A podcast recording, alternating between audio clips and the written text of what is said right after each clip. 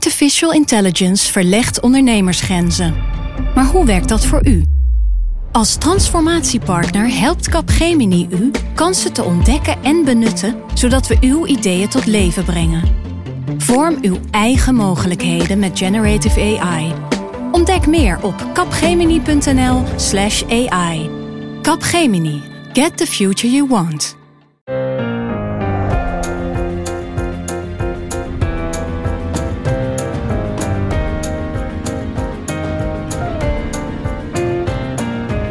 Dit is Haagse Zaken van NRC. Mijn naam is Lemia Aharouai.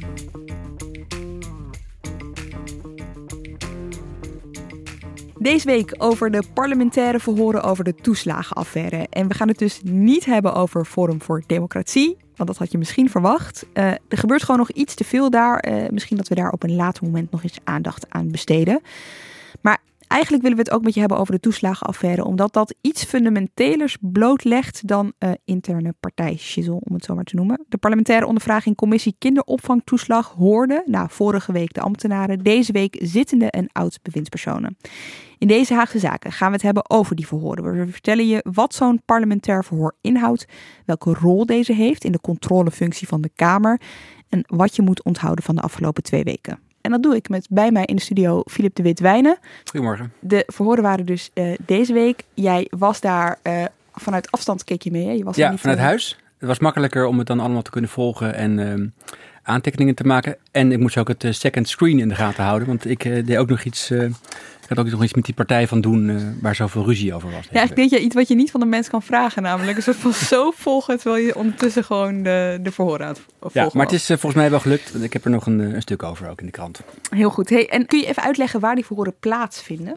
Ja, um, het is een Tweede Kamercommissie, dus het is in de Tweede Kamer, maar niet in het Binnenhofgebouw zelf. Maar aan de overkant van het plein zit een, uh, nog een soort kantoorgebouw van de Kamer. Het logement heet dat volgens mij. En daarin zit de enquêtezaal. Die is een paar jaar geleden uh, helemaal verbouwd en opgeknapt. Ik noem het de squashzaal. Het ziet er een beetje uit als zo'n vierkante bak met houten schotjes aan de zijkant. Uh, en dan zitten de, uh, er zit de commissie en de getuigen zitten dan beneden. En boven eromheen mag het publiek zitten. Dat was dit keer vanwege de coronamaatregelen natuurlijk beperkt. Maar het is een zaal hier aan de overkant van het, van het plein. Ja, en uh, het, het, het, ik heb een paar keer naar, naar gekeken, naar die verhoorden de afgelopen weken. En het komt allemaal heel officieel over. Hè? Dus de bode geleidt uh, degene die ondervraagd worden naar binnen en naar buiten. En ze moeten ook een eet ja. Of gelofte ja, afleggen. Ik vind nog het spannendste, althans de Kamercommissie doet heel uh, spannend en gewichtig. Vooral als ze binnenkomen, dan schrijden ze binnen als een soort studentensenaat. En dan gaan ze wachten tot ze, net als of, of een rechtbank, en gaan ze bij een stoel wachten tot ze gelijktijdig gaan zitten. Als de voorzitter het zijn geeft. En ook bij het opstaan, dan gaan ze weer terug, gaan ze weer de zaal uit. Ze doen heel, heel gewichtig, doen ze. Ja, ja. Er was er één die daar een beetje van onder de indruk leek te zijn. Uh, die wist even niet meer wat een eet was of wat nou precies de belofte was. Wilt u de eed of de belofte afleggen? Zo waarlijk God bij mij God almachtig is de... Ik kan na 19 verhoren zeggen dat dat de eed is. Dat is de eed. Ja, dat is de eed. U wilt de eed afleggen. Ja. Was hij nou zo zenuwachtig of wilde hij graag doen alsof hij zenuwachtig was? Mark Rutte was dit, hè? Ja, terwijl Mark Rutte voor mij vaak genoeg de eed heeft afgelegd uh, toen hij werd beëdigd als uh, minister-president. Uh, ik denk dat hij wel een beetje nerveus was. Dat hij voor het eerst voor een Kamercommissie moest verschijnen met zijn vingertjes gekruist omhoog. Ja, bij ons op afstand via Skype Dirk Stokmans. Dirk, welkom. Goedemorgen. Kun je ons horen? Ik kan jullie horen. Waar zit je? Ik zit in Amsterdam op de Amsterdamse redactie van de krant. Hey, uh, jij schrijft uh, vaker over waar het misgaat bij overheidsinstellingen. De vorige keer dat we hier zaten in dezelfde formatie met Filip erbij, toen ging het over de topambtenaren, vlekverwijderaars ja. noemden we die toen. Met dat verhaal in je achterhoofd, mm -hmm. hoe, hoe, zag jij die, die, die, die verhoren de afgelopen dagen? Nou ja, die verhoren waren natuurlijk uniek in de zin dat je die topambtenaren nu zag en hoorde spreken. En ook nog onder ede of onder een belofte. Ja, en dat vond ik wel uh, fascinerend. Uh, en, en je ziet ook wel daar elementen van wat we beschreven in onze, ons onderzoek over topambtenaren. Ja, en wat zag je dan bijvoorbeeld terug? Nou ja, je ziet dat, dat, dat heel veel is gericht op, op zorgen dat er geen problemen ontstaan. En dat er ook heel weinig zicht is op wat er buiten gebeurt. Dat was een van de dingen die we toen. Hebben we veel, toen, toen veel topambtenaren gesproken. En een van de dingen die opvalt is dat, dat het systeem volledig naar binnen is gericht. En dat dus signalen van buiten, en dat is, dat, dit is hier daar een extreem voorbeeld van, uh, hoe sterk ze ook zijn, eigenlijk nauwelijks doordringen. We gaan het zo uitgebreid hebben over die hoorzittingen. Maar voor iedereen die eventjes uh, denkt, die toeslagenaffaire, waar ging dit ook weer over? Filip, jij maakte onlangs een aflevering van de Vandaag podcast helemaal hierover. We hebben het ook al een keer in Haagse Zaken over die affaire gehad. Voor de luisteraars, je vindt die aflevering in de show notes. Maar gewoon even in sneltreinvaart, waar gaat dit ook weer over? de toeslagaffaire gaat over de kinderopvangtoeslag. En dan met name de manier waarop de Belastingdienst uh, misbruik en fraude heeft gecontroleerd en gehandhaafd. Het toeslagsysteem is best kwetsbaar. Zeker bij de kinderopvangtoeslag wordt er heel veel geld vooraf betaald aan ouders die uh, een laag inkomen hebben en een bijdrage krijgen voor het betalen van de kinderopvang. Dus voorschotten vooraf, achteraf afrekenen. Dat, zet, dat is aantrekkelijk voor fraudeurs. En er is ook veel gefraudeerd, maar niet zozeer door ouders als wel door de uh, gastouderbureaus of bemiddelaars. Het geld werd vaak uh, rechtstreeks door de Belastingdienst aan die bureaus betaald. En die konden dan sjoemelen met gegevens. Aantal kinderen, aantal uren, uh, mensen niet uitschrijven, dat soort dingen.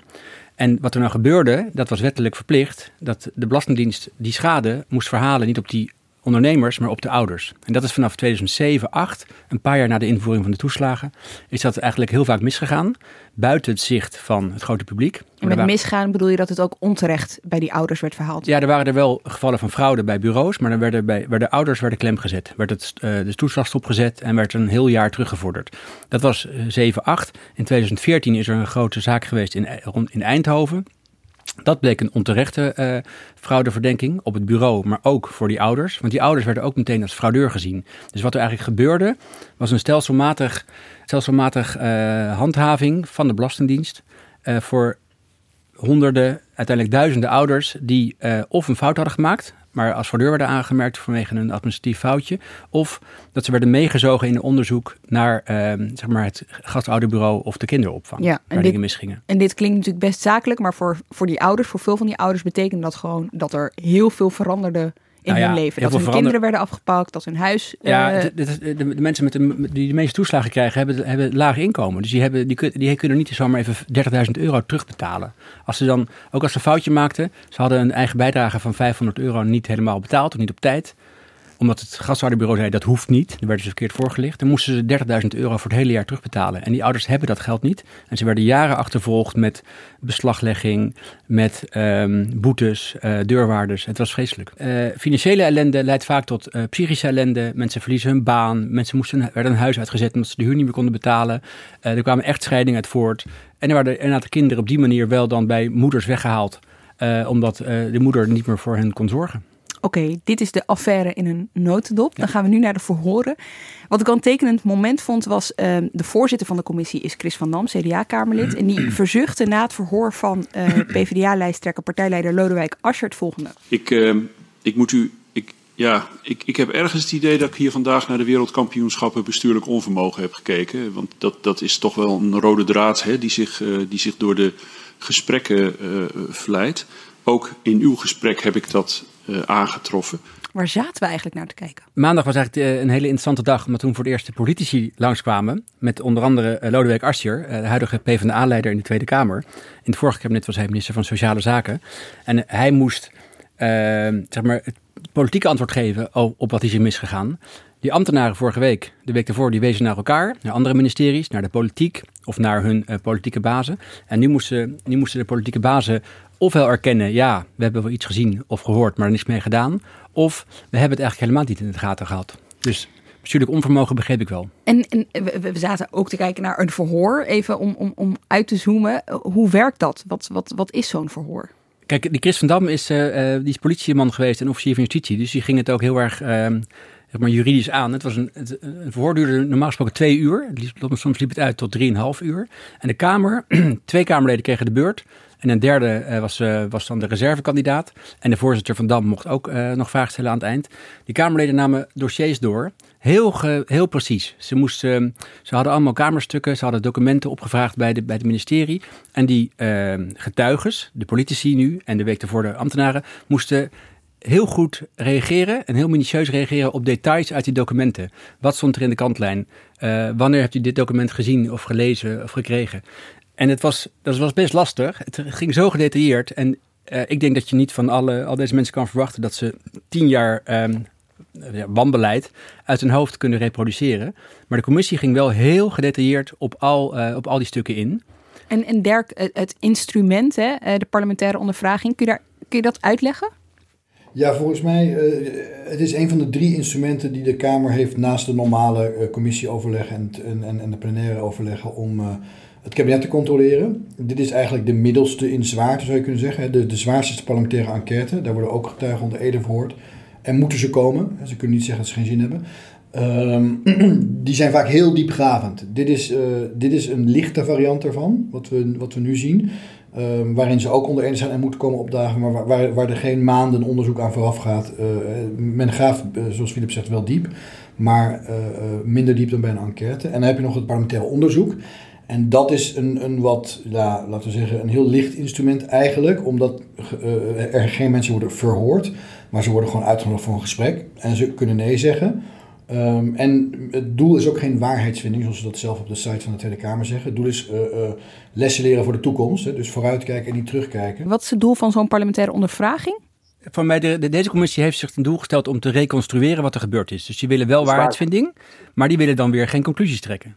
Dat is ook, vind ik eigenlijk waardig, want je kunt aan een reconstructie best zien wat je ervan kan leren. Nee, wat je dus, hè, dus je, hebt, je, hebt, je hebt de ondervraging, dat is deze, van de toeslagenaffaire, en je hebt het onderzoek. En dat is, uh, dat is een ander instrument dan dit. En dat is eigenlijk uh, uh, een beetje vrij uitpraten over dingen die misgaan. En dat was bij de, het parlementaire onderzoek naar um, de uitvoeringsorganisaties, wat we enige tijd geleden zagen, kort geleden. Ja, en, en dat, dat, dat levert eigenlijk weinig op, omdat je ten eerste mag je daar liegen, om het maar onparlementair te zeggen. en ten tweede wordt er niet echt, zoals hier wel gebeurde, echt op details doorgeduwd, waardoor mensen gewoon ook ja, kleur moeten bekennen. En wie zaten er in deze commissie? Het was een, uh, een groep van acht uh, Kamerleden, over acht verschillende partijen verspreid. Um, de, de commissie is, uh, is eigenlijk ingesteld door de vaste commissie Financiën, die de toeslagenaffaire volgt en de Belastingdienst ehm, volgt. Eigenlijk was er maar één iemand uit die commissie Financiën die ook in deze ondervragingscommissie zat. Dat is Renske Leijten van de SP, die ook het dossier het beste kent. Dat bleek ook wel bij alle verhoren. En de andere Kamerleden, die kennen het dossier niet. Dus ze hebben zich moeten inlezen de afgelopen maanden. En je merkt ook wel dat sommigen het dossier gewoon niet echt goed kenden. Waarom is dat dan? Waarom mogen zij daar dan zitten? Het heeft ook te maken met um, ja, een beetje onafhankelijkheid. Uh, en Renske Leijten heeft ervoor gekozen om wel in deze commissie te gaan. Uh, en dan ook het, niet meer het woord te voeren over de toeslagenaffaire in de Tweede Kamer. Uh, daar heeft ze uh, in eerste instantie twee andere uh, collega's op gezet. Ten tijde van... Van, van, de, van dit onderzoek. Ja, precies. Hierna um, pakt het weer op. Het ja, dat denk ik wel. Ja. en bijvoorbeeld Pieter Omtzigt, die had hier ook al best in kunnen zitten. als CDA-woordvoerder op de toeslagen. Maar goed, er zijn ook heel veel vragen te stellen over de rol van de politiek in de Tweede Kamer. waar Pieter Omtzigt ook al jaren in zit. Dus dat was een beetje ongemakkelijk. bij de oprichtingsvergadering van deze commissie, die overigens door GroenLinks was bedacht... Uh, omdat SP wilde een grote parlementaire enquête. Uh, dat wilde de PvdA niet. Die waren bang dat Asscher dan uh, nat zou gaan. Serieus? CDA was ook een beetje bang voor nou, de rol van Omtzigt die hij speelde bij, het, bij de roep om streng fraudebeleid in 2013 en 2014. Dus eigenlijk is dit een compromis, deze is een compromis, zeker. Um, maar wacht even, hier wil ik toch even bij stilstaan. Ah. Want het CDA loopt natuurlijk wel voorop in de kritiek ja. hè, op, op de Belastingdienst, op het ministerie van Financiën. Maar wil dat niet tot nou, in de bodem hebben onderzocht. Zo klinkt ja, dat nu. Dat was een beetje het uh, beeld wat we hadden uh, eind vorig jaar. Uh, de roep om de parlementaire enquête was heel groot bij de SP. En de CDA en de PvdA hielden die boot af. Um, ik heb begrepen dat ook in die oprichtingsvergadering, dat stond ook in de stukken, dat een minderheid van de commissie Financiën, die was ervoor dat Kamerleden wel konden worden gehoord. En een meerderheid dus niet. En dat, daar, in dat zinnetje had besloten dat misschien ook wel op het lijstje stond van getuigen Pieter Omtzigt. Maar dat hij dat zelf niet wilde en dat hij daar steun voor kreeg. Aan de andere kant is Lodewijk Asscher nu Kamerlid en werd wel uitgenodigd. Dus het is uiteindelijk wel gebeurd. Maar de rol van Omtzigt was wel interessant. En uh, even voor de volledigheid, je noemde al even, we noemden al even Chris van Dam. Renske Leijten uh, zat er dus in. Ja. Adje Kuiken van de PvdA. Ja. Selima Belhaai van D66. Jeroen van Wijngaarden van de VVD. Tom van der Lee van GroenLinks. Roy van Aalst van de PVV. En Femke Merel van Cote Arissen van haar eigen fractie. Ja. Wat ik dus wel interessant vind is dus... zij zijn niet allemaal woordvoerder op dit dossier. Hoe, hoe werkt dat dan? Gaan ze dan... Um, gaan ze zichzelf aanmelden ergens van ik wil wel? Of, uh... ik denk dat ze dat gewoon in de fracties hebben besproken van wie heeft er tijd voor, zin in om dat te gaan doen. Het is ook wel exposure voor hen. Chris van Dam staat niet op een verkiesbare plek op de CDA-lijst, wil graag terugkomen. Hij is nu twee weken live in beeld geweest. Ik denk dat dat goed is voor zijn particuliere strijd om hoger op de lijst te komen. Ja, dus het is ook wel is het een, is het een prestige dingetje. Ja, er zijn mensen die nog nooit van Christendam hadden gehoord. En ik denk nu wel. Ja, wat ik me wel afvraag is hoeveel tijd krijgt zij om zich voor te bereiden? Want ik sprak uh, Pieter Omtzigt deze week. Nou, die zat in de uh, onderzoekscommissie uitvoeringsorganisaties. Daar werd hij ondervraagd. Hè? Precies. Nee, daar werd hij, verhoor, daar werd hij gehoord. Gehoord heet dat dan? Oké. Niet onder Ede. Um, maar die vertelde, weet je wel, ik had eigenlijk geen tijd gekregen om me daarvoor, uh, daarop voor te bereiden. Terwijl anderen die daarvoor hè, in dat bankje kwamen te zitten, die kregen weken de tijd, drie nou, weken volgens mij zei hij, om, om je voor te bereiden. Dus ik vraag me Nou ja, die commissie is begonnen, is geïnstalleerd in, ik meen vlak voor de zomer, in uh, begin juli, juli. Um, uh, daar gaan ze met elkaar gaan ze zitten en gaan ze bepalen wat gaan we onderzoeken en wie gaan we uitnodigen uh, om, om, te getuigen. Dat is ook een kwartetspel. Want dan krijg je ook politieke belangen. Ja, wij willen Asscher, ja, maar dan willen we ook iemand van de VVD horen. dus ehm, dat zou hier misschien niet hier was heel duidelijk wie, eh, wie, wie er moesten komen. Maar, um, en die, die mensen worden dan uitgenodigd en die krijgen, te horen, we gaan half november verhoren. Dus uh, bereidt u wat voor, we willen dit en dit uh, gaan onderzoeken. Er is één ambtenaar op het laatste moment uitgenodigd. Dat was een mevrouw van, de, een beetje van de juridische afdeling van de Belastingdienst. Die had een waarschuwing ge, een memo geschreven met een waarschuwing over de hardheid van het systeem. En dat document was pas een maand geleden uitgekomen, of naar boven, uh, boven tafel gekomen. Mm -hmm. En toen is zij alsnog uitgenodigd. Maar die ambtenaren kregen echt wel de tijd om het voor te bereiden. Uh, die wisten wel dat het eraan zat te komen. Nou ja, omdat ze natuurlijk in wezen, ze staan niet voor de rechtbank, maar ze worden onder ede gehoord, zoals Filip al uitlegde, op, op, op details. En ze, en ze moeten niet uh, per ongeluk of expres uh, iets zeggen wat niet klopt. Want ze staan onder ede. Dus ze moeten het, je hebt ook niet zoveel aan zo'n verhoor. Net zoals in een rechtszaak moet ook, de, dit zijn geen verdachten, maar dit, mag je ook je dossier kennen. dan word je ook uitgebreid. Uh, je wordt niet, het is niet de bedoeling mensen daar te verrassen. Want daar heb je niks aan. Dan zeggen ze gewoon, ja, dat weet ik niet meer. En dan kom je niet verder. Ja. Wat gebeurt er eigenlijk als, je, als later blijkt dat je iets niet helemaal eerlijk hebt gezegd onder Ede? Wat is daarvan de consequentie? Dan kun je uh, worden verdacht van mijn eed. En dat is een, uh, een strafbaar feit. strafbaar feit. Dus dan kun je voor worden vervolgd. Uh, en dat is nog niet gebleken. Ik merkte wel dat af en toe uh, Kamerleden moeite hadden om te geloven wat een, uh, bijvoorbeeld een ambtenaar zei. En dan wist Chris van Dam dat handig op te lossen door te zeggen: U hebt nog één keer de kans, meneer Blokpoel bijvoorbeeld, om het beeld dat wij van u hebben gekregen bij te stellen. Dat was dan zijn formulering om te zeggen: Ik geloof er geen bal van. Maar ik ga u ook niet aanklagen voor mijn eet. wat mij in ieder geval ik heb een paar keer, want het is wel fascinerende materie, kunnen kijken tussen de bedrijven door. Maar kijk, in de Tweede Kamer zal je niet zo vaak een minister horen zeggen: dat kan ik niet herinneren. Uh, want dat hoeft hij niet, want als hij het zich niet meer kan herinneren, dan bedenkt hij iets ter plekke. Dat kan, hè? Eh, straffeloos. Nou, wacht even. Ik kan maar Rutte bij de dividendbelasting heb ik hem redelijk vaak horen zeggen dat hij iets. Ah ja, sorry. Dat, heb ik. Uh, de, maar goed, dus de, dat kan. Hè? Um, dan is mijn punt misschien niet zo sterk. Maar wat me hier natuurlijk opvalt, kijk, hier dit is, zitten wel echt. Um, alle, laten we zeggen, de normale uitwegen die je hebt in een politiek of parlementair debat, heb je hier niet. Um, dus uh, het is wel heel spannend, vind ik af en toe. He, je ziet, de, de, de, de um, als, als, als bewindspersoon kan je toch vaak met uh, lange antwoorden of niet de zaken doen antwoorden, kan je gewoon wegkomen. En hier is het wel lastiger. Ja, maar wat je wel, je had een paar uh, escapes. Um, het niet kunnen herinneren is een klassieker. daar heb ik een ander beeld bij, wordt ook heel vaak gezegd. Of ja. daar was ik niet bij dat hoor je ook vaak, over bepaalde overleggen of bepaalde uh, uh, documenten. Die, dat is niet bij mij uh, voorbij gekomen. Mm -hmm. Dus mensen konden zich wel verschuilen achter nou ja, dit soort teksten. Ja, precies. Ja. Ik kan me ook herinneren dat um, er wel eens werd gezegd van ja, er wordt echt gesproken over dat dingen gebeuren. maar wie ze dan doet, wat natuurlijk best interessant en belangrijk is, dat blijft altijd een beetje in het midden hangen. Dus iets komt op een tafel terecht, of komt juist hè, een stuk, of komt juist niet op een tafel terecht. Maar wie besluit om dat stuk wel of niet op tafel te leggen, waar het natuurlijk soms om gaat, bijvoorbeeld bij zo'n waarschuwingsmemo. Ja, dat, dat, dat, ik heb een van de gehoord waar daar op zoiets werd doorgewaagd. En dan blijft het gewoon onduidelijk. Het is natuurlijk ook een. Uh, en dat is wel frustrerend, denk ik ook. Er gebeuren dingen, maar wie ze doet, dat, dat, dat, daar probeert iedereen een beetje omheen te praten. Ja, daar vond ik een heel interessante uh, bij, uh, interessant voorbeeld bij met meneer Blokpoel. Die was directeur Belastingdienst tien jaar geleden. en die die, die was het hoofd van die, uh, van die fraudeopsporingsteams, de CAF-teams.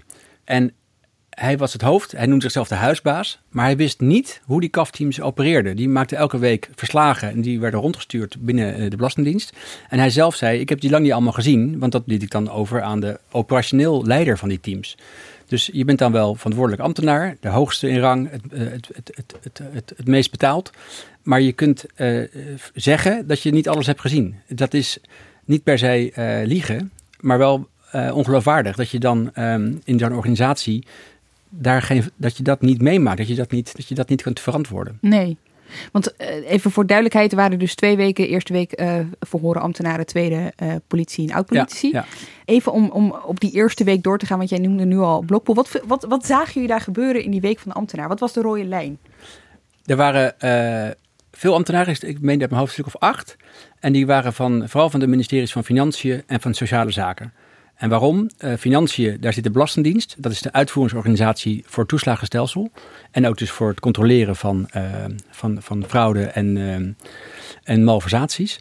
En sociale zaken is, zoals het heet in de Haagse jargon, de eigenaar van de toeslagen. Althans van de, uh, van de kindertoeslag, kinderopvangtoeslag en het kindgebonden budget. Dus zij hebben de wetgeving bedacht, het beleid van uh, de kinderopvangtoeslag. En ze hebben de uitvoering neergelegd bij financiën.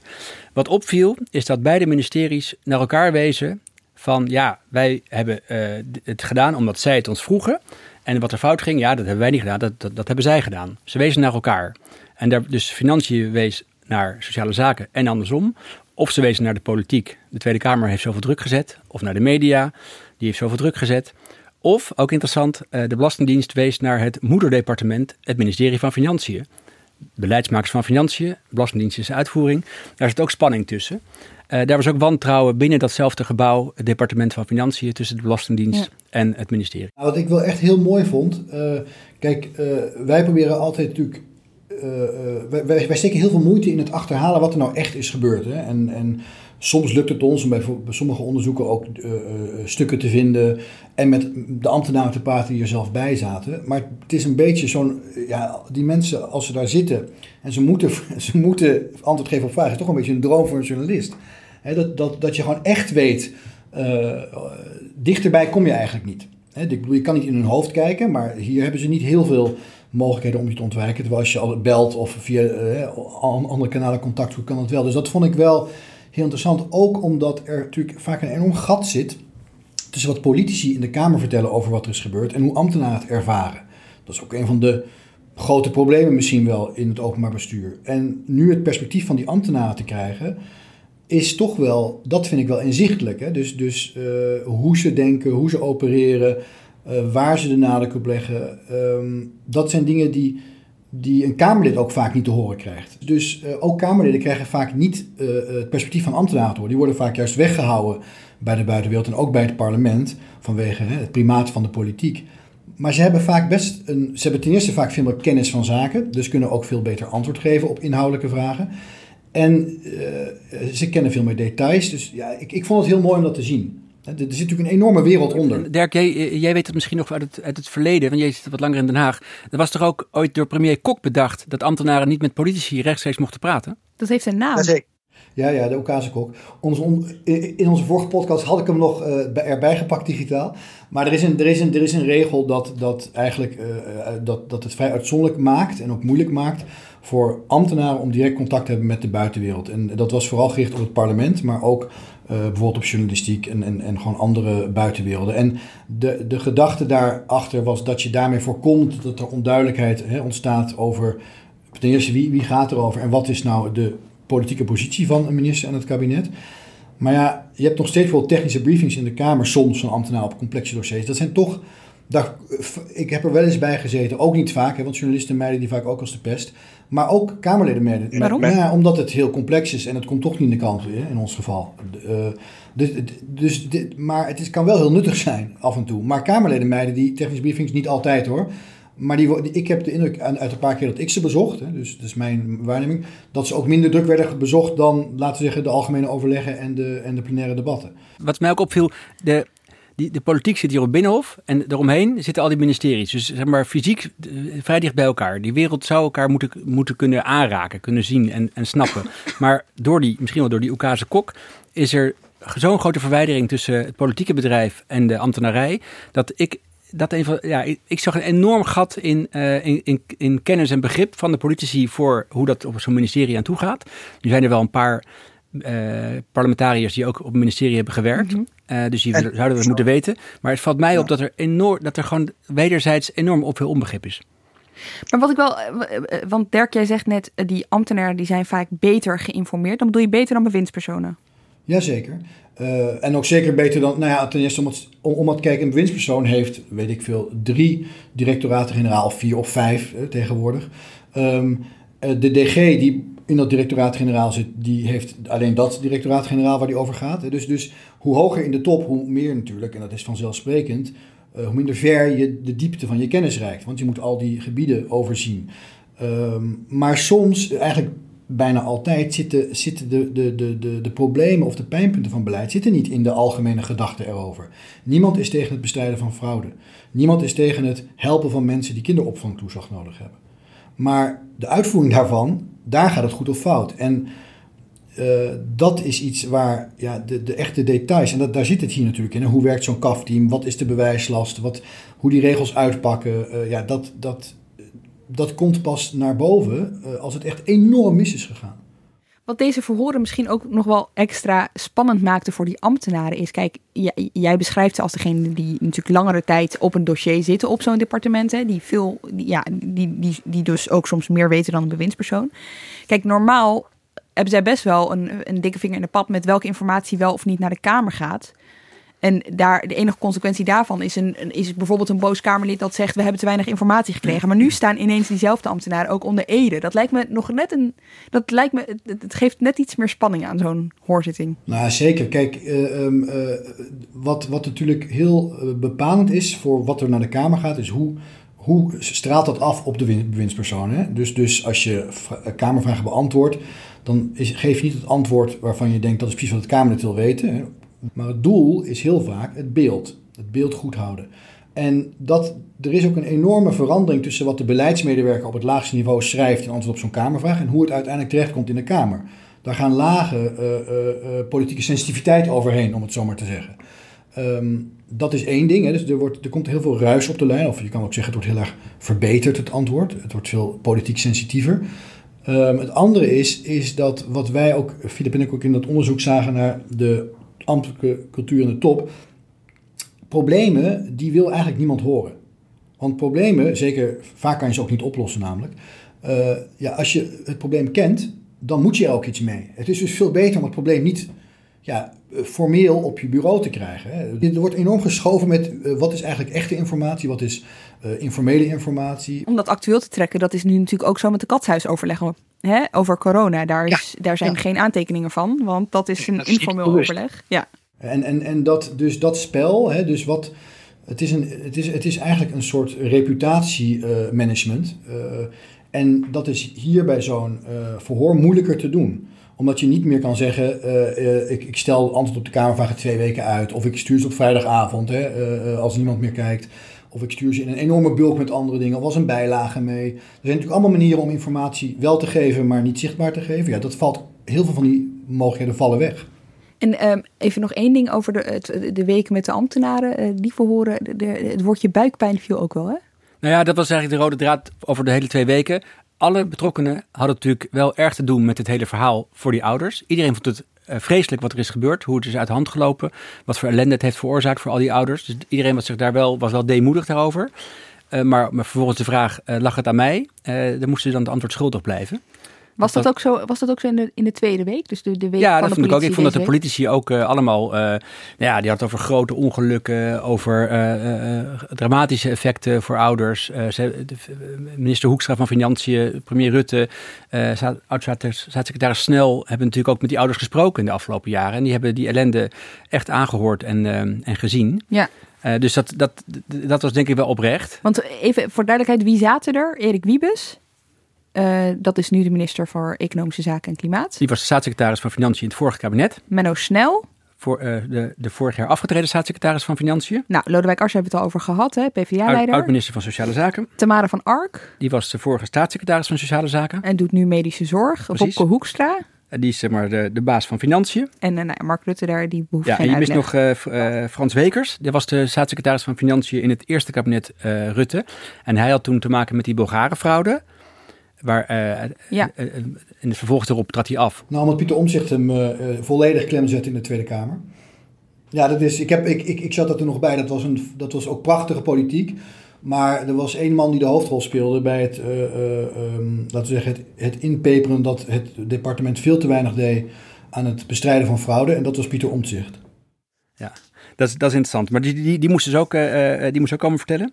Wat nog interessant is, jij vroeg de rode draad. er was ook een verschil tussen de eerste week en de tweede week. Nou? Eén onderwerp werd in de eerste week niet besproken, in de tweede week wel. En dat ging over het, de kwestie van het etnisch profileren en mogelijk discrimineren van ouders. Er was blijk van, daar heeft de autoriteit persoonsgegevens ook een rapport over geschreven, dat de Belastingdienst keek naar tweede nationaliteit bij, het, uh, ja, bij de risicoanalyse van of iemand uh, de boel belazert, ja of nee. Dat is uh, bij wet verboden, zelfs strafbaar. die kwestie kwam niet aan de orde bij de ambtenaren. En waarom niet? Omdat daar intussen ook al een strafrechtelijk spoor is ingezet. de Belastingdienst, of de staatssecretaris heeft eerder dit jaar aangifte gedaan tegen de Belastingdienst als geheel. Voor het OM om uit te zoeken, is daar inderdaad um, is daar, uh, strafbaar gehandeld? En zo ja, door wie? En het kan dus zijn dat sommige van de ambtenaren die er zaten, daarbij betrokken zijn. En uh, het was van tevoren afgesproken en afgestemd met het Openbaar Ministerie dat er geen vragen zouden worden gesteld over die kwestie. Want je mag uh, als mogelijke verdachte in de toekomst, hoef je niet mee te werken aan je eigen veroordeling. Dus die kwestie werd in de eerste week niet besproken. Wel in de tweede week. In de tweede week wel omdat het echt, dat, dat etnisch profileren is echt een uitvoerings, uh, uitvoeringskwestie. De politici zijn daar in, in, in eerste instantie niet van, uh, niet van verdacht. Ja. En hoe vond je, even weer naar, naar, naar de setting zelf, zeg maar. Hoe, hoe, hoe, um, hoe stelden die Kamerleden zich op? Want ik zei net al een beetje, het voelt aan als een soort van rechtszaak. Hè? Ook gewoon hoe Ja. het is opgesteld en zo. Maar Nou, ik, ik, ik, vond, ik, had, eh, ik vond af en toe wat. Want die, die Kamerleden die deden, die, die, die, stelden op zichzelf heel goed en stevig vragen.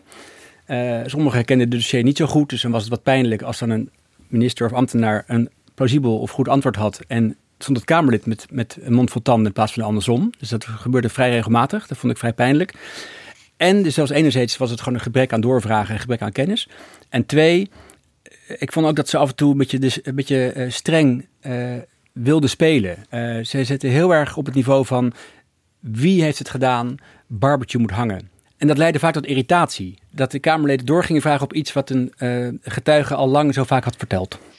Mag ik vragen waarom u steeds lacht als u een vraag beantwoordt? Want ik, ik vind dit echt, het zijn serieuze vragen. Het was echt een moment van crisis waarin verschillende bewindslieden en de, top, uh, de topambtenaren nee, ik... echt op dat moment drong het pas tot hen door hoe ernstig het was. Ik zou, als u het lachen, het met lachen is mijn eigen ongemak, mm -hmm. dat ik drie keer op een vraag, u zegt, kunt u herinneren dat u die belt? En dan zeg ik nee, dat kan ik me niet herinneren. Dan zie ik u mij aankijken van u, uh, u kijkt mij ook aan van uh, spreekt u wel de waarheid? Dan vraagt u dat nog een keer, dan zeg ik nog een keer, ik kan me niet herinneren, dan doet u een derde keer. Ja, dat leidt bij mij een beetje tot het idee van ja, is dat, wilt u nou weten hoe het zat? En dan probeer ik u zo goed mogelijk te beantwoorden. Ik sta hier onder eet, ik doe het. En ik lag ook een beetje misschien vanuit het ongemak dat ik dan die vraag niet weet. Maar dat heeft ja. niets te maken, en ik hoop ook dat dat helder is, niets te maken met uh, over de situatie van deze ernstige zaak. Het ging om de vraagstelling die u aan mij stelde. Dus ik zal niet meer lachen. Ja, dit is dus uh, Femke Merel van Kooten ja, uit en Snel. Ja, en kijk, die Kamerleden weten ook, het is live op, uh, nou niet op televisie, maar op livestream van de Tweede Kamer. Er wordt gewoon gekeken. Ehm, ze willen ook, ja, ze willen een rol spelen van de strenge ondervrager. Ze willen een beetje, zeg maar, Amerikaanse hoorzitting spelen. Waar, waar ook altijd heel veel ehm, senatoren heel boos worden op iemand. Uh, maar dan een beetje uh, uh, op het niveau van de Nederlandse polder. Dirk, hoor ik jou nou lachen? Want dan nou ja, ga ik full Femke Merelkoot van Ares op jou, hè? Ja, sorry. Het spijt me, Femke. Weet je, wat, wat me opvalt, en dat zei Filip ook al een beetje um, eerder. Dit zijn dezelfde Kamerleden, althans, hè, dezelfde um, volksvertegenwoordigers, die... Het is natuurlijk allemaal uiteindelijk onder de verantwoordelijkheid van de Tweede Kamer gebeurd. Die moeten namelijk het ministerie controleren. En dat, eh, om maar een voorbeeld te noemen, er was een ombudsmanrapport waaruit al veel eerder bleek dat iets aan de hand was. En daar was Leijten zat daar bovenop en Omtzigt zat daar bovenop. Wat trouwens een uitzondering is, een coalitiekamerlid. Maar er was niemand in de Kamer toen verder, althans geen meerderheid evident, die dat echt een probleem vond. En dan is het toch, als je dat in je achterhoofd hebt terwijl je kijkt, dan is het, ehm, dan zou ik als burger misschien ook wel willen dat er wat Kamerleden eh, in de, eh, achter de zaten om verhoord te worden. Snap je? Want het is, zij zijn ook deel van het probleem. Twee pregnante voorbeelden van uh, wat Dirk nu net precies zegt. Topambtenaar Uilenbroek, voormalig topambtenaar Uilenbroek van de Belastingdienst, die, um, die refereerde aan een Kamervraag in 2015 van de SP. Niet van Leijten, maar van uh, voorganger uh, Siderius. Die sneed punt aan van de harde terugvorderingen. aan, aan toenmalig minister Lodewijk Asscher. Asscher kon er overheen uh, spreken en zeiden dat is gewoon de wet, zo doen we dat. En niemand van de Kamer sloeg daar verder op aan. Eind 2015. Dus die kwestie had toen al lang door de Kamer kunnen worden opgepakt. En het tweede voorbeeld was afgelopen maandag. Toen uh, werd aan voormalig staatssecretaris Wekers een bepaalde Kamermotie voorgehouden door Artje Kuiken van de PvdA als ondervrager. En die motie die ging, geloof ik, over de, zeg maar het, iets versoepelen van de, van de handhaving, van de fraudebestrijding. En toen zei Wekers, uh, mevrouw Kuiken, dat was een motie waar u uh, als PvdA destijds tegenstemde. Het valt mij misschien wel op dat vooral de signalen van fraudeaanpak heel goed beklijven, ook vanuit de Kamer. Maar de signalen die er ook waren en moties die er ook waren en Kamervragen die er ook zijn gesteld over de hardheid van de aanpak, zo slecht beklijven. Dan heb ik over de uh, motie De Mos. Dan heb ik het over Kamervragen die in ieder geval gesteld zijn door SP Siderius en een aantal andere zaken. Hoe kunt u dat verklaren? Ja, de Kamervragen SP Siderius was 2016 en uh, met alle respect, daar hebt u tegen gestemd. Daar hebben uh, meerdere partijen tegen gestemd. En dat was ik, na, dat was... ik herformuleer mijn vraag, want het is niet mijn bedoeling om in een discussie te treden. Vond ik vrij opvallend, want dan is de Kamer eigenlijk bezig met een verwijt aan een politicus, terwijl ze er zelf uh, uh, ook voor ja. of tegen was. Ja, goed punt. Ja, ja, het viel mij ook op, en ik had dat vooral met het verhoor van Ascher dat je dan die Kamerleden ziet, die hebben zich uh, voorbereid, weet je wel, want ze, ze lezen die vragen op uh, vanuit, uh, vanaf, een, vanaf een blaadje, maar ja. er zit geen doorvraag in. En ik weet niet of dat een soort van journalistieke reflex is, maar ik ben ook benieuwd hoe jij ernaar kijkt, Dirk, omdat je het zo bijzonder vindt dat die ambtenaren er bijvoorbeeld voor het eerst zitten. Maar het is natuurlijk geweldig dat ze nu in het licht zitten en onder Ede staan, maar tegelijkertijd... Je, meer, je kan er meer mee doen. Maar tegelijkertijd dacht ik echt ja. af en toe, jongens, vraag eens door. Nee, dan moet je natuurlijk zelf het dossier ook eigenlijk van binnen en buiten kennen. De, en, en dat is lastig sowieso. Uh, maar dan, dan weet je pas waar je naar door moet vragen. Ik, heb, kijk, ze, ze hebben, voor zover ik begrijp, werkstuk, en dat is logisch, met um, voorbereide vragenlijsten.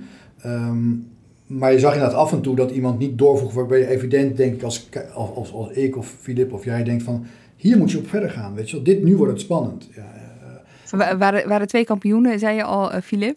Ik denk dat we aan dezelfde mensen denken. Ja, ik vond uh, van Wijngaarden, Jeroen van, van van ja. de VVD en Roy van Aals van de PVV, die gingen vaak als duo ondervragen. En die kwamen er echt niet doorheen, want die, die hebben Asscher voor mij ondervraagd. Ja, en dan klopt. die, die, die, die bereiden al de weg voor, voor Asscher om uh, te ontkomen aan een scherp antwoord. Dan zei hij, uh, u wist dat niet, hè? Toch? Werd u bij uw aantreden al gewezen op de gevolgen van de fraudeaanpak voor ouders überhaupt? Nee. Dat is dus, kwam allemaal pas later, hè? Ja. Zo uh, ja. En dan zei Asscher, inderdaad. En dan was het meteen daarna de volgende vraag. Um, als we het hebben over die alles of niets benadering. Of dan zei hij, ik geef het woord weer aan mijn collega. Er werd gewoon, uh, ja, er werd daar, door die twee niet scherp uh, ondervraagd en zeker niet doorgevraagd. Iemand die dat op zich wel deed, maar dat komt ook omdat ze natuurlijk het dossier erg goed kende, is natuurlijk Renske Leijten. Laten we even naar uh, Leijten luisteren. En je hoort een paar lange stiltes, dan is niet ineens je app uitgevallen of zo, maar dat zijn dus echt stiltes die in het fragment vallen. Dat wist u ook niet, dat bij toeslagen vaktechniek niet onafhankelijk meekeek? Nee, dat is, nee. Hoe had ik dat moeten weten?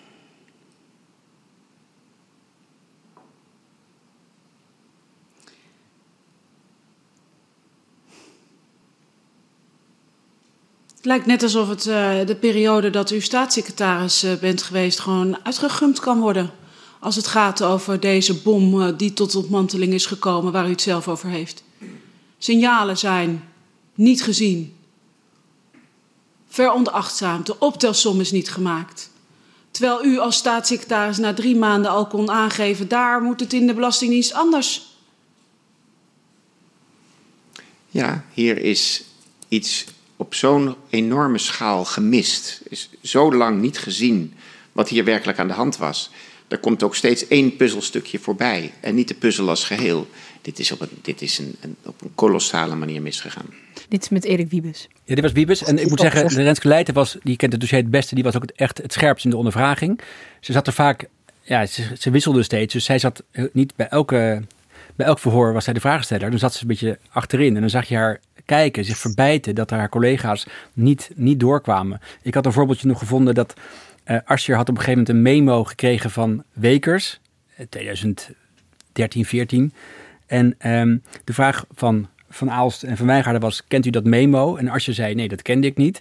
Later refereerde Asscher wel aan het memo door te zeggen, ja, ik had van Wekers gehoord dat ik een memo moest lezen. En dan verzuimde ze terug te grijpen naar zijn eerdere antwoord, maar u zei dat u het niet had gekend. Um, en, dan, en Leiden bij dat soort situaties keek de hele tijd van, kom op, um, ja. pak hem nou aan. En dat gebeurde dan gewoon niet. Dat fragment is heel mooi, want er komen een aantal dingen in samen die we net uh, bespraken. Eén is hoe wie bespraat. Hè? Het is misgegaan, het is niet gezien. Wie heeft het niet gezien? Weet je, maar het is niet gezien door een niet nader te noemen entiteit. Het is allemaal dat soort. Um, uh, dus het lijkt alsof hij zegt: Ik heb het niet gezien, maar dat zegt hij niet. Hij zegt: Het is niet gezien. En het andere is dat Leidt natuurlijk doorvraagt op details, de, de vaktechniek. Dat, dat, dat kent niemand. Ik weet half wat het is, denk ik. Maar daar, dat is precies waar het misgaat. En als je zo doorvraagt, ja, dan zit hij letterlijk met zijn mond vol, sorry, figuurlijk met zijn mond vol tanden. En, en daar zie je die dingen. Dus in de details zitten de antwoorden en de problemen. En als je daarna door kan vragen, en als je dat dus niet doet, dan, dan krijg je niet dit soort veelbetekenende situaties. En, ja, en dat taalgebruik, uh, de trein is ontspoord, er is iets fout. Het is allemaal gebeurd door een soort deus ex machina. Ja, ze plaatsen zich allemaal buiten de scène. Niemand heeft, niemand heeft gehandeld. Het is gebeurd. Het is zo gegaan. Nog even over de man waar uh, veel mensen op, uh, op wachten in, in deze voor. Hij was ook de allerlaatste en dat is uh, Mark Rutte. Aan het begin van de aflevering hoorden we natuurlijk al dat fragmentje waar je al dan niet uit kan afleiden hoe zenuwachtig hij al dan niet was. Uiteindelijk is hij natuurlijk gewoon als minister of als minister-president eindverantwoordelijk. Of ben ik dan, ga ik dan te kort door de bocht? Ja, dat is zo. Van het politieke proces, van het, van het bestuur, van het kabinet. En hij is vooral uitgenodigd omdat hij uh, in, uh, het hoofd was van de ministeriële commissie fraudeaanpak. Dat was een coördinerend orgaan vanuit het kabinet, vanuit de ministerraad, onder leiding van Rutte en de minister van Justitie. En die keken ook naar fraudebestrijding bij de Belastingdienst. En in die rol is hem veel nou, gevraagd van wat wist u van de fraudeaanpak bij de toeslagen? En hebt u aangestuurd op dat strenge beleid? Of hebt u ook misschien gewaarschuwd of kreeg u waarschuwingen over misstanden in die fraudebestrijding daar? Ja. viel nog wel op dat uh, Van der Lee, uh, GroenLinks-Kamerlid, hem ja. op een gegeven moment best wel duidelijk ging onderbreken toen Rutte een duidelijk voorbereid verhaal wilde houden over um, um, de lessen die waren geleerd. Ja. En Van Lee had duidelijk zoiets van, nee, dit, dit, dit trucje hebben we de afgelopen keren ja. al gezien, dat gaan we nu niet doen. Nee, hij liet hem niet wegkomen met, de, met, de, met, met verhaaltjes voor de bühne, dat klopt. En de tragiek is dat, specifiek waar betreft uh, de kinderopvangtoeslag uh, eigenlijk pas in volle omvang dat zichtbaar werd. Hè, de, de, hardheid van het stelsel, het niet proportioneel invorderen in 2019. En dat is ook echt wel een van de lessen die ik zelf ook trek uit dit hele onderwerp. Ja, hoe belangrijk het is dat je dat we komen ziet. straks terug nog op de lessen. Ik wil even bij u uh, nog verifiëren. Ja. Of um, Rutte die, die wekte ook wel een beetje de indruk dat hij vond dat uh, ambtenaren zich destijds hebben laten opjagen, dat hij dat vond. Maar tegelijkertijd was hij daar wel empathisch over.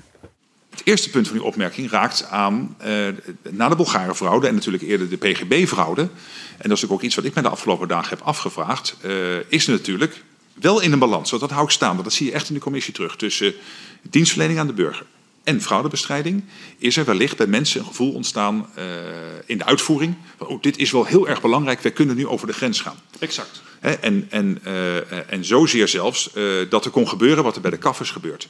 Dat kan nooit een rechtvaardiging daarin vinden. Um, maar het is wel gebeurd. Maar het is wel gebeurd. Wat mij uh, opviel is dat Rutte eigenlijk zegt van ja, we hebben het niet zo bedoeld, maar ik snap dat ambtenaren het zo voelen.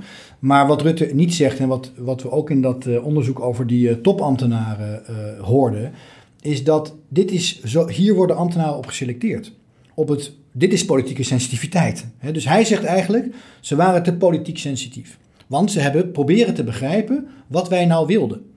En uh, daar gaan we misschien ook zo nog even. Als je niks op papier zet, maar hè, dit, is, is allemaal. De, de, indruk wordt gewekt door de manier waarop Kamer en kabinet met elkaar omgaan, bijvoorbeeld rond die Bulgarenfraude, dat er keihard moet worden opgetreden. Nou, en als je een politiek sensitieve ambtenaar bent, dan ga je daarmee aan de slag.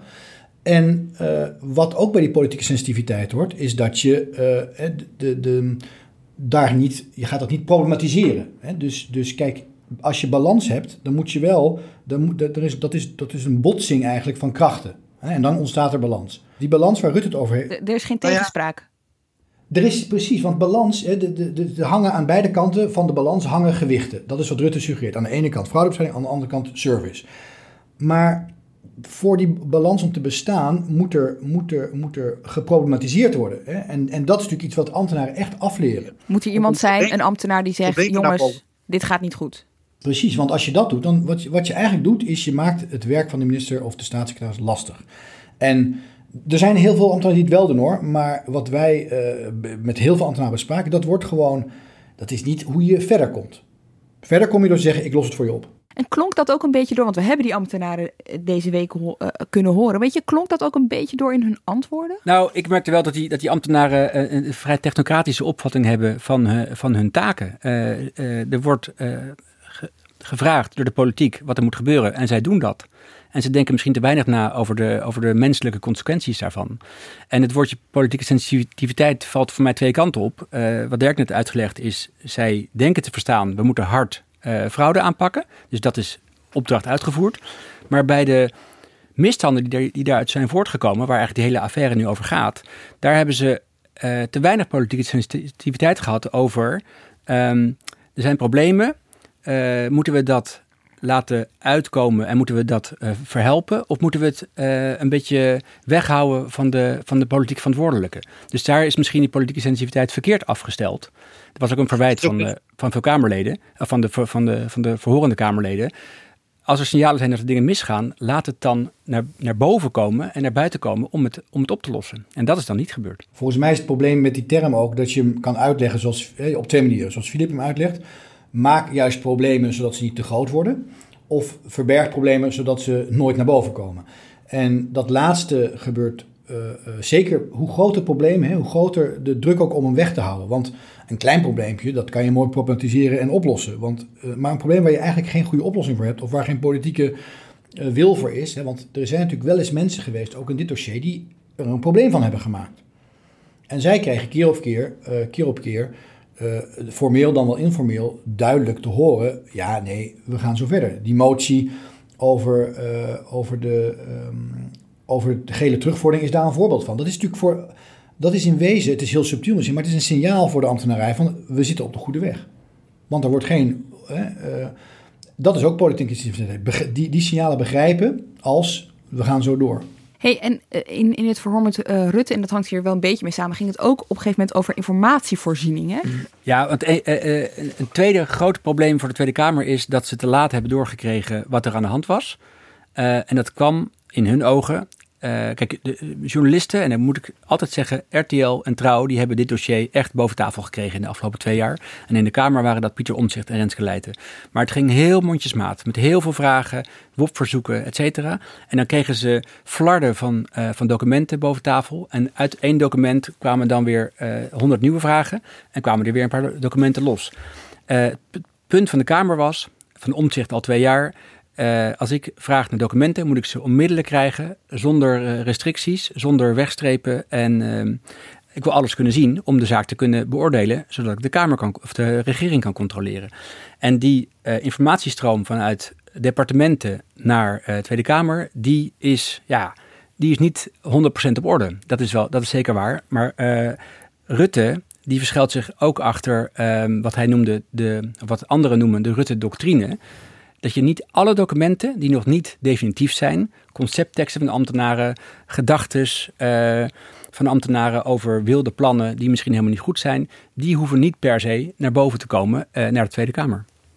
Zijn uh, geruchten dat er nu wordt gezegd: uh, schrijf niks op of gebruik andere uh, mediakanalen, je, die we natuurlijk horen, wij als Kamerleden ja. ook horen. Klopt. Zijn die ergens op gestoeld? Of ja, is dat... maar dan in een grappende zin, maar niet serieus. Ja, maar niet serieus. Dus dat speelt geen enkele reden in het wel of niet noteren van aantekeningen. Ja, Dirk, dit zou jij herkennen, want dit hebben we ja, ook, ja, ja, uh, ook, ook, gemerkt toen wij het onderzoek deden naar die topambtenaren. Ambtenaren leggen de laatste jaren uh, het liefst zo min mogelijk vast op papier. Want ze weten altijd, er kan worden gewopt. Er kan een beroep worden gedaan op de wet openbaar bestuur door journalisten en door Kamerleden. Wat wij hier zeggen of denken, dat moet niet over drie jaar in de openbaarheid komen. Ja, en niet alleen ambtenaren, vergeet dat niet. Het is natuurlijk. Het is, politici ook. Nee, maar, ja, precies. Dus het is, er is uh, veel mensen veel aan gelegen om uh, uh, het geheim van de raadkamer, om het zo maar te noemen, om dat geheim te houden. Um, kijk, en er is wat altijd wordt gezegd, um, is ambtenaren moeten zonder vrees moeten ze kunnen adviseren. Ik heb wel eens ambtenaren gevraagd, wat is dan die vrees? Als jouw advies uitkomt, hè, um, dan zou je ook kunnen denken, nou, als ik een goed advies heb gegeven, dan ja, dan, dan ben ik hem niet echt het uitkomt. Ook als het niet is gevolgd. Ook, uh, nou, dat, het is iets complexer. Maar als ik dat vroeg, dan was het antwoord nooit helemaal duidelijk. Waar het volgens mij om ging, is dat ze niet, ze wilden niet zichtbaar het oneens zijn met de minister. Ze wilden niet munitie bieden later hè, bij een WOP, waardoor iemand kon zeggen van... hé, hey, je hebt die, dat advies niet gevolgd en kijk eens wat er van gekomen is. Mij lijkt het overigens juist een hele goede reden om het wel openbaar te maken. Maar er is in de WOP is er een uitsluitingsgrond uh, die je kan toepassen. Het hoeft niet om uh, persoonlijke beleidsopvattingen uh, binnen intern beraad om die van de WOP uit te sluiten. En heel belangrijk, je hoeft ze niet te weigeren, maar je mag ze weigeren. Dat is in, inmiddels is dat al lang, dat weiger je altijd. En dat wordt zo ruim geïnterpreteerd dat je bij wijze van spreken alles wat niet een cijfer is en dan nog um, wegstreept. Ik overdrijf een beetje, maar niet veel. En het wordt ook gebruikt voor, als het helemaal niet um, waar is. Ik heb een voorbeeld, omdat wij toevallig een tijdje geleden alweer allemaal stukken wopten over de uitvoering van het persoonsgebonden budget. Maar we hadden via een andere route ook de, laten we zeggen, de niet zwart gelakte versies van die stukken. En daar kon je gewoon heel goed zien dat er allemaal dingen waren weggelakt. En dan staat er bij het lakken waarom het is weggelakt. Hè? Dan staat dan, nou ja, dit is een persoonlijke beleidsopvatting. Maar als je dan onder, dat, onder die lak keek, en dat konden wij toen, ja, dan was het helemaal geen persoonlijke beleidsopvatting. Dat kon je daar echt niet. Dat was gewoon, om een voorbeeld te geven, um, vanaf volgende week gaat het helemaal mis. Dat kan je een persoonlijke beleidsopvatting noemen, maar ja, daar is het niet voor bedoeld. Kijk, wat, wat, wat ze allemaal gewoon willen is dat er geen gedoe ontstaat. En uit die WOPs ontstaan altijd gedoe. Mij lijkt het uh, een hele, uh, um, ja, het is een hele defensieve manier van opereren. En even terug naar Omtzigt, hè, die, die uh, inderdaad een enorm punt maakte, denk terecht over de onvolledigheid en de traagheid van de informatievoorziening. Wat natuurlijk wel het raakt aan het, laten zeggen, de essentie van wat de Kamer doet. Als je niet kan vertrouwen dat de, dat de regering probeert je echt zo goed mogelijk te informeren, hè, dus echt antwoord op je vragen te geven, dan kan je de regering niet vertrouwen. De oplossing is niet om alle stukken maar te gaan lezen. Dat is natuurlijk zijn oplossing, omdat hij in de coalitie zit. Hè, dus hij, kan, hij gaat geen motie van wantrouwen indienen. Want dat zou een andere uh, oplossing zijn. Nou ja, als hij oppositiekamerlid was geweest, had hij natuurlijk, en dat is ook gebeurd, uh, uh, al twintig moties. Want hij, hij zegt in wezen, ik, ik wantrouw de informatievoorziening van de regering. Ik kan het niet anders. Uh, nou, en daar is in ons stelsel is, is, is, is daar één oplossing voor. Dat is de motie van wantrouwen. Hey, en als we nou kijken naar zeg maar, de, de verhoren van de afgelopen twee weken. Um, ehm, 17 december komt het eindrapport van, van deze commissie. Maar ik vraag me wel af, het doel, hè, die waarheidsvinding. Heb je, uh, ja, de, de hoofdvraag was wie wist wat wanneer. Kortom, wie heeft het gedaan? Die vraag is echt niet beantwoord in de afgelopen twee weken. Iedereen wist het een beetje, maar net niet dat, dat punt waar het om ging, of was er net niet bij geweest. Dus ik denk dat het een heel uh, gefragmenteerd beeld is van een, inderdaad een, een, een groot enorm ongeluk. En, uh, en, en, niemand heeft aan, de, aan één knop gezeten of heeft zitten vergaderen. We gaan eens eventjes uh, 26.000 ouders belazeren. Ja, Rutte noemde het een ongeluk. Hè? Ik vond het best wel een, een, verkeerde beeldspraak, als ik eerlijk ben. Want een ongeluk overkomt je. Dat, dat is ook wat Dirk net zei. Er ja. is iets misgegaan, ja. maar uh, niet we hebben iets misgedaan. Ja, ja. En zo'n ongeluk kun je uh, voorkomen door de remmen goed af te stellen. En dat is niet gebeurd. Dus het, het doel, dat is maar, maar, maar bedenkelijk. Waar, waar komt, of dat is gehaald, waar komt de commissie straks mee? Nou, dat is ook een beetje uh, de makker van dit parlementaire deze parlementaire ondervraging, deze mini-enquête. Ze komen met een rapportage, met, met, een reconstructie van wat ze nu hebben gehoord en wat ze hebben boven tafel gekregen. Maar ze komen niet met conclusies en aanbevelingen. Dus de lessons learned, die moet de Kamer straks, het wordt een rapport aan de Kamer, straks zelf weer gaan bedenken. Dus er komt zeker een debat uit voort.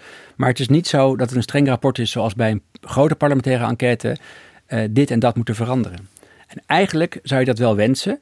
Eigenlijk zou je ook, een van de ambtenaren had dat ook gesuggereerd, dit onderzoek naar de toeslagenaffaire hebben moeten combineren met het onderzoek naar die uitvoeringsorganisaties, om het breder te trekken. Hoe gaan we die uitvoering in Nederland bij de Rijksoverheid beter organiseren. En nu zijn er door de Kamer twee onderzoeken vlak na elkaar gekomen, die elkaar deels raken en over, overlappen. Maar er komt niet één gezamenlijk verhaal uit. Dus ik denk dat de verbeteringsslag die er nodig is, niet per se door deze twee onderzoeken nu Maar is er, is er een logische reden voor dat uit elkaar is getrokken? Of nou is ja, dat gewoon, ik heb het idee dat de Kamer uh, dat die, die, die andere, dat andere onderzoek met de andere Kamercommissie voort. Uh, iedereen wil zijn eigen onderzoek. Oh, ja. Nou ja, er, is één ding natuurlijk wat, wat, wat niet wordt, uh, um, hoe zeg je dat, onderzocht, is de rol van de Kamer. En uh, volgens mij is die cruciaal. Uh, bijvoorbeeld bij die uitvoeringsorganisaties. alle, alle onderzoeken, stukken, ombudsmanreportage, die spreken allemaal van een opeenhoping van beleid, uitzonderingsregelingen, overgangsbepalingen, bezuinigingen. precies, weet je dus, het is de Kamer, althans de coalitie, maar die, die die een enorme berg rotzooi, of problemen moet ik aardiger zeggen, ook, ook niet met slechte intenties, eh, over de schutting gooit en zegt tegen de, tegen de Belastingdienst, tegen het UWV, tegen de Sociale Zekeringsbank, tegen IND, eh, tegen de politie, zoek het maar uit. En liefst voor 10% minder geld. Uh, en dat verandert ook nog eens elke twee of drie jaar, want die coalities sneller veranderen. Ja, jij legde dit ooit uit, Filip, als een, als een kerstboom waar dan de Kamer steeds meer van die ballen aan gaat hangen totdat hij omvalt en dan gaat iedereen elkaar Zo is het belastingstelsel opgetuigd en zo is het toeslagstelsel opgetuigd. En dan wordt de Belastingdienst ook nog een keer geconfronteerd met uh, reorganisatie naar reorganisatie en, uh, en minder budget. Maar even naar de kern, de ouders. Want zeg maar, is er iets voor hen veranderd na deze twee weken? Nou, ik heb een aantal ouders uh, gesproken uh, de afgelopen dagen. Om te vragen of zij ook naar de hebben gekeken. Uh, dat hebben ze deels gedaan. Dat waren natuurlijk hele lange dagen, dus niet, niet alles. Maar ze, het was voor hun buitengewoon pijnlijk dat er heel veel boven kwam. Dus het was emotioneel. ik denk niet dat de herstelbetalingen die nu bezig zijn met de nieuwe staatssecretaris, dat die sneller zullen gaan door, deze, door dit onderzoek. Dat ging ook eigenlijk meer over het verleden. Ehm, Eén moeder die ik het hele jaar volg, een toeslagenmoeder, uh, Claudia Kloppenburg uit uh, Gouda, die kreeg zelfs deze week te horen van de Belastingdienst dat zij toch niet de advocaatrekening voor haar gaan betalen. Dus ze kregen bij een rekening van 6.500 euro. Zo dus je krijgt een klap in het gezicht week, ja. tijdens de verhoren over wat er misgaat in de hardheid en de, en de harde houding van de Belastingdienst. Dat vind ik echt ongelooflijk dat dat, dat dat kan gebeuren. Dank jullie wel.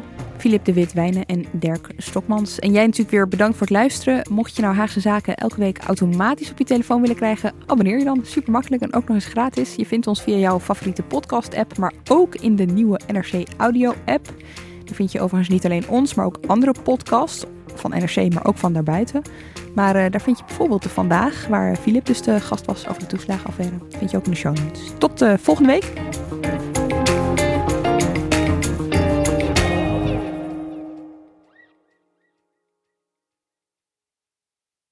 Ik ben al jaren ondernemer, maar waar moet ik eigenlijk allemaal aan denken nu ik voor het eerst personeel wil aannemen, voor het eerst ga importeren of voor het eerst een bedrijfslocatie zoek?